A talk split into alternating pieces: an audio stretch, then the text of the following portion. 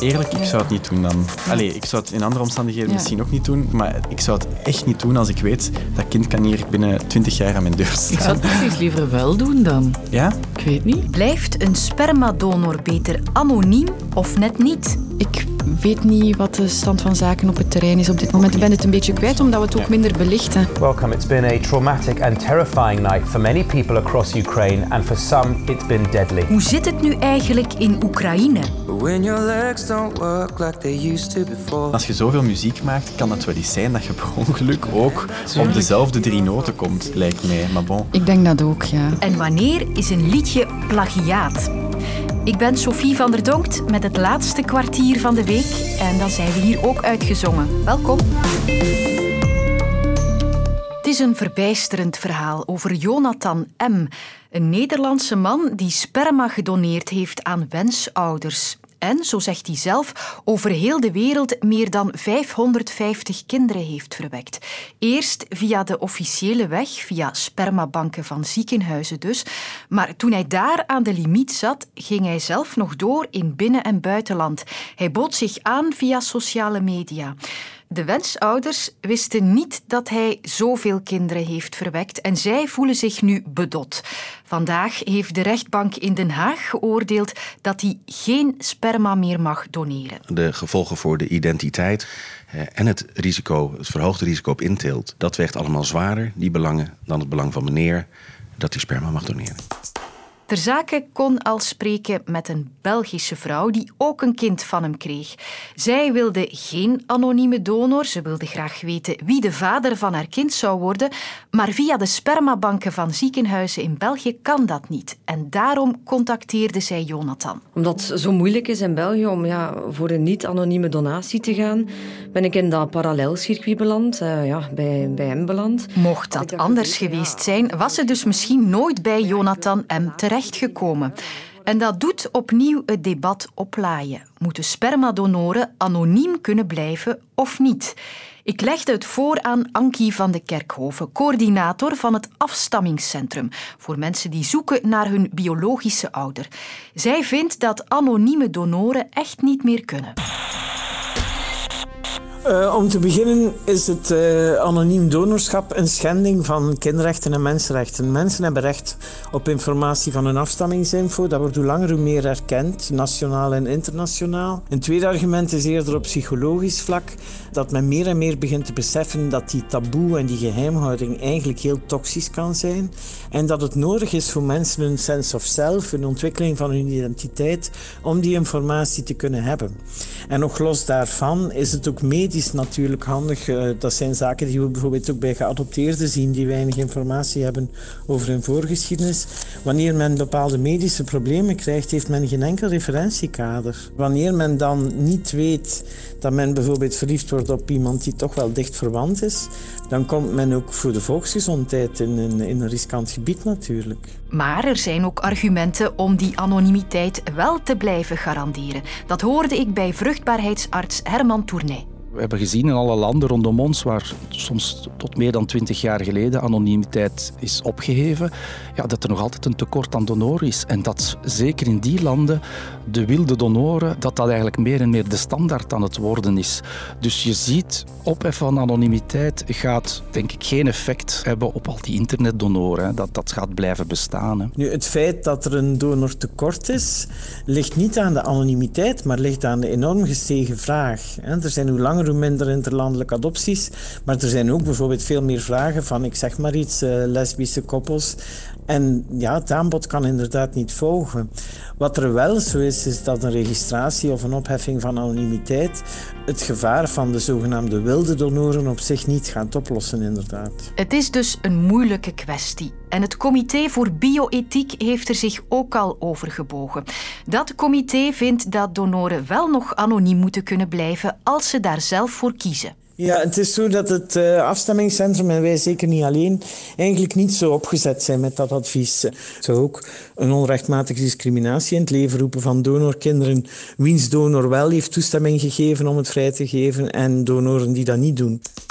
De internationale databanken met, met DNA-stalen, die zijn zo enorm snel aan het ontwikkelen, daar zitten miljoenen stalen in, dat het eigenlijk ja, bijna onethisch of oneerlijk zou zijn om aan een donor nog anonimiteit te garanderen. Dus ook dat is een technische realiteit waar we rekening mee houden en die databanken die gaan alleen maar in belang toenemen natuurlijk.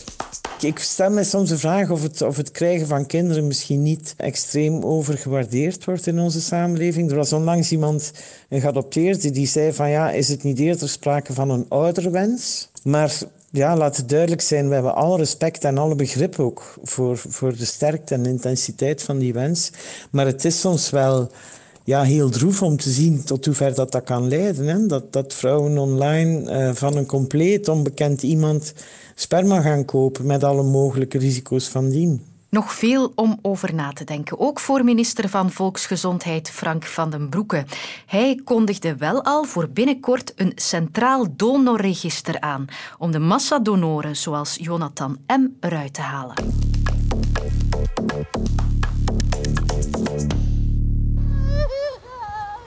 Verschillende steden in Oekraïne zijn de voorbije nacht bestookt door Russische raketten en drones. In Dnipro in het oosten zijn zeker twee doden gevallen, onder wie een kind. In de hoofdstad Kiev werd het luchtafweersysteem geactiveerd. De oorlog in Oekraïne is na 14 maanden nooit ver of lang weg in het nieuws.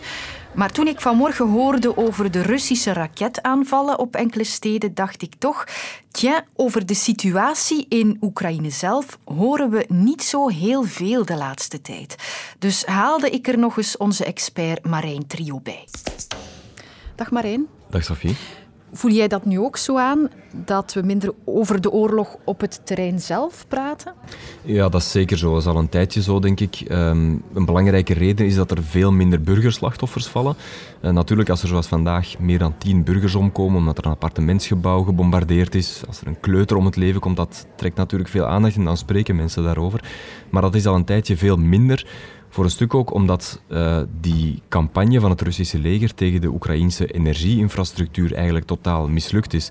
En het was bij die aanvallen op de energieinfrastructuur dat er vaak per ongeluk appartementsgebouwen werden geraakt en dat er dus heel veel burgers omkwamen ver weg van het front. Dat is grotendeels voorbij. Um, en anderzijds aan het front zelf beweegt er ook heel weinig. Er wordt wel zwaar gevochten op een aantal plaatsen. Er vallen veel slachtoffers onder de soldaten. Maar de frontlijn zelf beweegt weinig. Dus er zijn weinig grote ontwikkelingen, eh, waardoor die aandacht toch echt behouden blijft. En hoe volg jij dat dan? Je bent nu hier. Hoe volg jij wat er daar in Oekraïne zelf gebeurt? Uh, veel via sociale media eigenlijk. Uh, maar ook de grotere ontwikkelingen, die worden dan vaak op een kaart geplaatst. Er is bijvoorbeeld een website, uh, mm. liveuamap.com. Daar, daar zie je de kaart van Oekraïne met de bezette gebieden. Ja, ik ga die er even bij nemen anders. Hè. Ja. Dat is welke site? Dus live ja. Ja. Voilà. En je ziet dus de, de, de kaart van Oekraïne met dan ja. in het oosten en het zuiden het uh, gebied in het rood gearseerd dat door Rusland bezet wordt. Ja. En dan heb je overal langs de frontlijn icoontjes. Het zijn er vandaag ook op, opvallend veel. Dus je ziet al die kleine bommetjes uh, staan. Ja? Als je daar dan op klikt, dan uh, krijg je de bron. Uh, twee personen gedood. Dat was vannacht om zeven uur. Dus toen is daar, uh, om zeven uur geleden, toen is daar ook een uh, raket neergekomen. En is dat betrouwbaar om mee te werken? Ja, dus dan, je ziet altijd de bron. Hè. Dus je ziet hier ook, ze verwijzen naar uh, Boris Filatov. als je daarop doorklikt, dan kan je zien wie die persoon is die die mededeling heeft gedaan. Ja. Dus op die manier krijg je heel veel informatie van wat er allemaal aan ja. het front gebeurt. Laten we de kaart zelf eens bekijken. Hè. Dus je zei het zelf al, die rode gebieden oostelijk is het vooral daar dat nog altijd de oorlog zich afspeelt? Ja, dus uh, het, zoals ik al zei, het front zelf beweegt nauwelijks nog. Maar er zijn uh, twee plaatsen vooral waar heel zwaar gevochten wordt. Dus in het oosten, in de regio Donetsk, heb je Bakhmut uh, en Avdiivka. Je kan daar eens op inzoomen, dat is hier ongeveer. Ja waar de rode zone bijna volledig rond die stad ligt. Dus dat betekent dat die steden bijna omsingeld zijn. En dat is waar de Russen nu al maanden eigenlijk proberen door te breken en proberen om die twee steden uh, te bezetten. Maar op de andere plaatsen langs het front zie je wel die bommetjes staan, omdat daar artillerieaanvallen zijn. Uh, maar daar beweegt eigenlijk echt niets, al maanden niet meer. Als er dan een nieuw seizoen uh, aangebroken is, wordt er ook wel eens gezegd, ja, nu gaan we in een nieuwe fase van de oorlog misschien. In die zin is er een lenteoffensief van de Oekraïners aangekondigd. Gaat dat er ook echt van komen? Ik denk het wel. De Oekraïners kondigen dit al heel lang aan en ze moeten ook echt iets doen natuurlijk. Zij moeten de Russen verdrijven van hun grondgebied, dat is wat ze willen. En ze moeten de aandacht van het Westen ook vasthouden. Je zegt zelf al dat er minder aandacht is voor het conflict. Uh, het is belangrijk dat Oekraïne de steun van het Westen behoudt. En daarom uh, willen ze dit offensief uitvoeren. Er zijn twee voorwaarden, denk ik, die daar heel belangrijk voor zijn. Enerzijds troepen opbouwen. Ze hebben nu twaalf brigades van 4.000, 5.000 soldaten telkens samengesteld. Die zijn opgeleid. Dat is grotendeels afgerond. En er moeten voldoende wapens zijn. Dat is ook heel belangrijk. Die wapens komen uit het Westen ook. Hè. Uh, er is heel veel te doen geweest rond die tanks die geleverd zouden worden. Gisteren zei de NAVO-secretaris-generaal Stoltenberg dat 98% van die tanks intussen geleverd zijn. Ook de panzervoertuigen en heel veel munitie. Dus die voorwaarden zou ook voldaan zijn. En daarnet zei de Oekraïnse minister van Defensie nog eens dat ze eigenlijk klaar zijn voor dat tegenoffensief. Dus nu is het afwachten waar en wanneer het zal plaatsvinden. Ze gaan dat natuurlijk niet aankondigen dat het begonnen is, dus het is een beetje afwachten op de eerste tekenen dat er effectief iets uh, aan de gang is. Dankjewel. Ben je de afgelopen jaren naar een trouwfeest geweest, dan herken je dit misschien wel.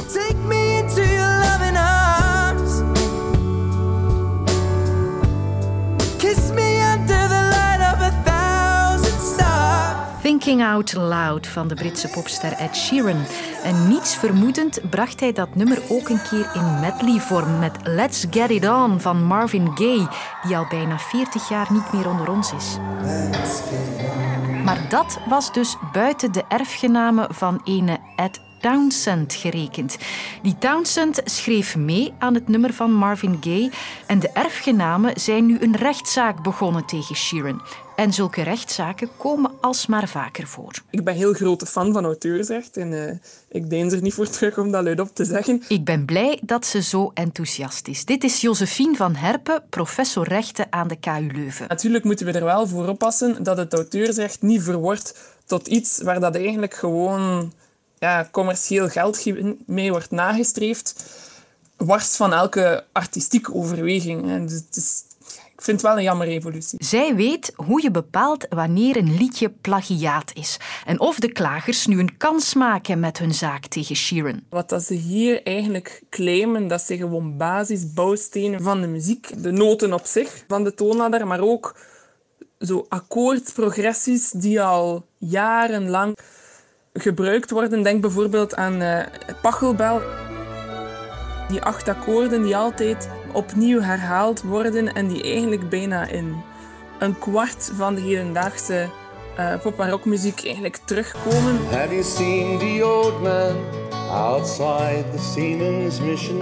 Tease to the wish you were here, but you're not, cause the drinks bring back all the memories of everything we've been through. Ik vind het heel lastig om daarop te gaan exclusiviteit uh, claimen, eigenlijk. Dus ja, ik zie wel uh, dat zij een mogelijkheid zien tot claimen van auteursrechtelijke inbreuk. Maar als ik de rechter was, of als ik in de jury zat, zou ik het alleszins niet... Uh, zou ik het niet aanvaarden. Het is eigenlijk moeilijk om op een algemene manier te zeggen wanneer dat iets een inbreuk uitmaakt of wanneer niet. Het principe dat wij toepassen is, oké, de vraag is, is er een inbreukmakende reproductie geweest? En dat is het geval wanneer de originele elementen van het bestaande werk zijn overgenomen geweest. Olivia Rodrigo, Good For You, tegenover uh, Misery Business van Paramore.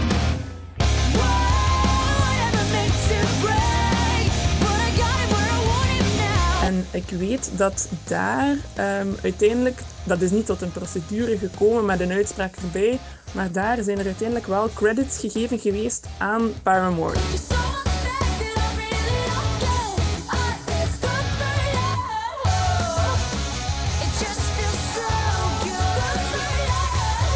Dus daar heeft Olivia Rodrigo eigenlijk impliciet toegegeven van ja, eigenlijk heb ik wel hier iets een beetje te veel geleend uit een vooraf bestaand werk. Maar als er elke dag tienduizenden nieuwe nummers op het streamingplatform Spotify komen, hoe weet je dan ooit nog of er iets van jou gepikt is? Maar muzikanten kunnen blijkbaar wel wat voorzorgen nemen. Dat gaat niet enkel over de overname van een aantal akkoorden, maar dan gaat het ook echt verder over de structuur van het liedje, ehm, de opbouw ervan en zo meer. Wel, je kunt alleszins, um, terwijl dat je bezig bent, terwijl dat je proces bezig is van creatie, kan je zaken gaan, gaan deponeren om eigenlijk op die manier een vaste datum te geven aan je werk. Dat je zegt van oké, op die datum had ik dat geschreven. Je kunt bijvoorbeeld online zo'n depot uh, verrichten en dat is wel een systeem dat goed werkt. De reden waarom dat Ed Sheeran natuurlijk in die rechtbank moest staan om te getuigen is gewoon ja, zijn muziek is succesvol en dan zien er mensen kansen. Dan ruiken mensen eigenlijk commercieel geldgewin. Volledige zekerheid tegen zo'n claims kan je eigenlijk heel moeilijk uh, verkrijgen. Maar bon, dat neemt niet weg dat volgens mij wel het nuttig is voor artiesten om zo'n depot te gaan doen.